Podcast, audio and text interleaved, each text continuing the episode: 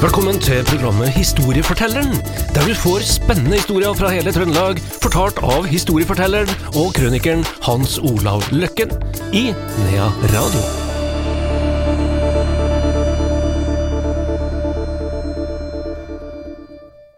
Et nytt program med Hans Olav Løkken er klart her i Nea Radio. Historieforteller Bård, velkommen Hans Olav. Jo, takk. takk. Skal vi snakke om heksa i dag? Hekser er interessant. Hekser, ja. Ja.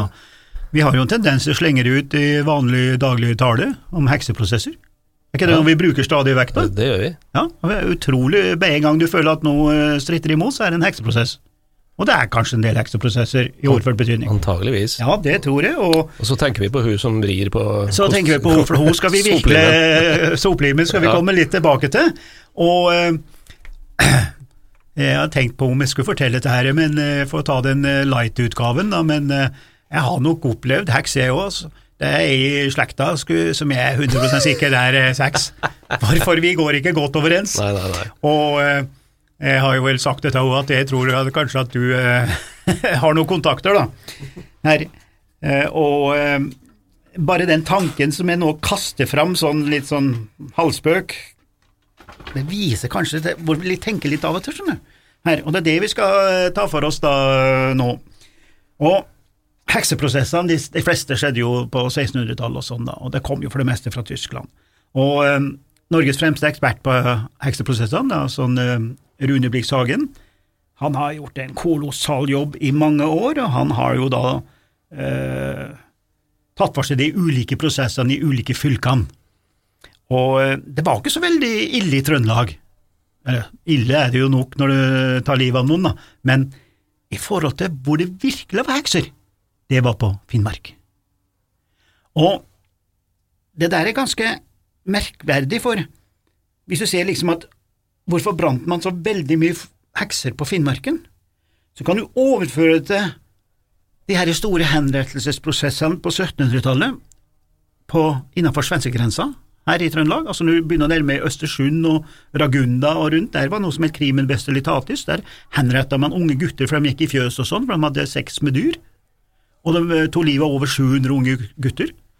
I noen få kommuner, der skal vi komme tilbake til en annen historie, men det som jeg prøver å fortelle, er nemlig at de der crimen bestelitatis skjer i et lite område, og så har du Finnmark og heksene, hvorfor, hvorfor der oppe?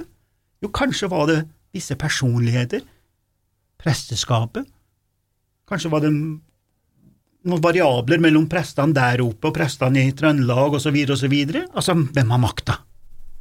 Og de sier jo det at, eh, at eh, det brenner fortsatt oppå Finnmarken. Det var så enorme prosesser, og jeg har jo fått mye stoff hos han eh, Rune Blikshagen, og det, er- det er utrolig at det For han var ikke dummer før i tida. Andreas, han var jo ikke det. Så hvorfor setter man i gang en sånn utrolig prosess? Og ikke bare at de setter i gang, men de hadde jo sånn test på de her heksene. Altså, de bandt dem jo, ikke sant? Og så tok de vannprøven. Så hivde de den ut på sjøen eller elva. Og hvis du fløt opp, så var du skyldig. og det klarte å du fløt opp. Det klarte å du prøvde å komme i fri og opp. Altså, og de var like intelligente som oss. Så, så det var mye som skjedde da. Jo da, men det var visse land som var litt mer eh, eh, ute etter å brenne i forhold til da Norge. Og hvis vi ser på Sør-Trøndelag og Nord-Trøndelag, da, her så er det også litt variasjoner, så det har nok noe med øvrigheta og hvor, hvor streng de var i visse kommuner, da. Nå kan vi bare, før vi går til, går til virkelig heksene, da, så kan vi jo se på Barbro Hasfjord da, på, oppe i Vikna og på Namdalskysten. Hun eh, mana fram uvær, som da fikk skylda for å ha tatt livet av lensmannen. Hun fikk eh, skylda for at det var så lite lever i fisken. Altså, en, sånn nesten troskyldig sak, ikke sant? Det må noen stå bak. Så hun eh, Det ble sagt at hun stjal levra om natta. Hun var skyld i et forferdelig uvær som tok livet av en del fiskere, osv., osv., og hun ble dømt som heks og brent på bålet da i 1648.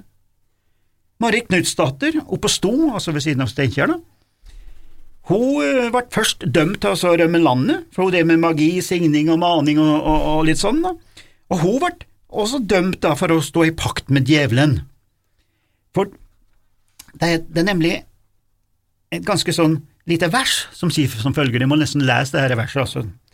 Da heter det seg, så sneglelangsomt kryper vi, at alle kvinnfolk flyr forbi, for skal først Satan ha visitt, er kvinnen foran tusen skritt. Altså, der har man allerede sagt at kvinnfolk var heks, I, I, en sånn vers.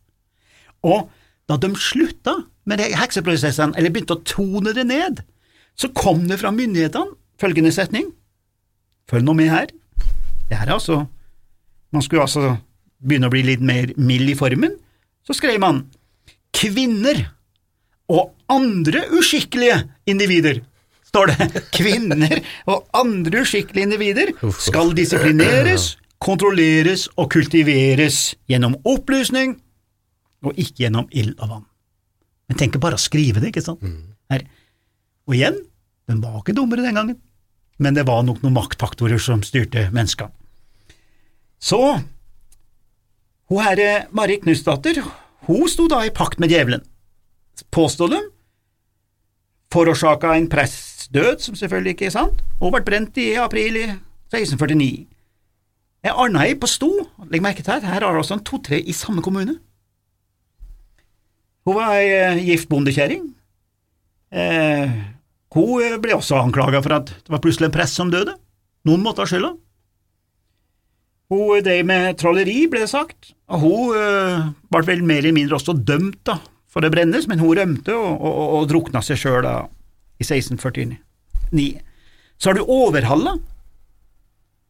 Der var det ei som var så frekk i kjeften da, at hun liksom ble anklaga av naboer og alt mulig sånn, og de påsto at hun drev med trolldom. Hun ble utsatt for enorme forhør, og hun ble halshugd da, og, og brent på, på bål på Øysletta, som jeg har besøkt en gang. da. Det var i oktober i, i 1669. Og så har du flere og flere og flere, og så kommer den mest kjente, Lisbeth Nypan. Og mann. Og begge ble jo henretta, og er den største prosessen vi har i Trøndelag, og som er skrevet veldig mye om da at både hun og mannen sto da i djevelens tjeneste, og ble kasta på bålet da i 12. oktober i 1674. Og sånn kan du gå og se på mange av disse såkalte hekser, og så læres du nesten opp til å tro at heks er ensbetydende med kvinnfolk. Men det er det ikke, altså. Eh, vi vet at i, på Island, for eksempel, som er ikke så fjern fra oss, på Island så var det kun menn som da ble uh, henretta, 115 stykker, som hekser. Bare menn. Eh, andre land så har vi også statistikker, og i Norge så tror jeg at det er nærmere en, en, en, en ja, 75 som er kvinnfolk og 25-30% cirka. Nå tar jeg bare sånn cirka-tall som er mann, mannfolk, men mannfolkene blir nesten ikke nevnt. Det er kvinnfolkene. Og så skal vi over på det som virkelig er interessant, da. For hvorfor er denne heksa ei fæl, stygg, gammel kjerring med tørkle og siskjørt og hun fyker av gårde på en, eh, på en kost. Når det kanskje ikke var de gamle, det var mange unge jenter. Vakre, kanskje. Kanskje var noen skarpe, intelligente jenter som har satt seg litt opp mot, mot mannstyranniet, for å si det litt brutalt, da. Kanskje mot presten, kanskje mot øvrigheta. Fått beskjed om å holde kjeft, og så gjorde de det ikke likevel, men tok igjen. De var veldig lett å stemple dem som heks, fordi at de var kanskje både rappe i kjeften og intelligente og alt mulig. Og som sagt, det var mange unge. Så da må vi tilbake til, ja, men det er jo ikke der vi er blitt lært opp til. Vi er blitt lært opp til hun derre jæklig kjerringa, vet du, som fyk av gårde. Og når fyk hun av gårde? Når kommer hun fra Finnmarken, og hvor skal hun hen? Jo, da sier folk sankthans. Nei da, bare tull. Er det, ikke, er det bare tull, altså? Det er bare tull. Ja, ja. Men alle tror det er sant. Men skal du se heksene, så må du gå ut Valborgnatta natt til 1. mai. Natt til 1. mai, Valborgnatta. Gå ut da, da er det ganske lyst allerede da. Da ser du dem kommer, fykende forbi Trøndelag på vei til Bloksberg. til Bloksberg, da, som er ei fjell, lita fjellkjede i kall det Øst-Tyskland, da. Hartsfjellene. Og så har vi ennå ikke sagt hvorfor hun er gammel og stygg og sånn, men der er det en forklaring. Og det er det samme som med troll. Fordi at den første heksa som noen gang er tegnet Dette her kan ikke direkte bevise, men jeg har sett disse teoriene her, da. At det var en som het Johannes Pratorius i 1669 i Leipzig. Han tegna altså den her heksa sånn som jeg og du har blitt lært opp til at hun er. På den tida så fantes det bare ei bok i Norge, i et hjem, og det var Bibelen. Neste bok som de mer bemidlende folk hadde, det var jo Faust av Goethe og så videre og så videre, ikke sant? Her. Og derfor så Den første boka som kanskje kom inn i norske hjem og sånn, hadde den derre heksa til den Johannes Petrorius. Så han Goethe i Faust han Goethe be, be, be, besøkte jo til og med Bloksberg sjøl, for å liksom sjekke ut det her. Da, og det er det første vi ser. Og når du var liten unge, Andreas, så likte du bøker med bilder. Du bladde for å finne bildet. Og når mor mi la som trollene på Hedalsskogen Jeg var også livredd, vet du, at det barnevernet ville tatt meg i dag, antagelig. Antageligvis. Ja, og da huska jeg at jeg satt der, og liksom når jeg fikk holde i boka, så bladde jeg for jeg ville se bilde av trollene. Og det var jo med tre hoder, og det var noen fæle troll, så videre og. Og det er klart, det satte seg over øyebrynene.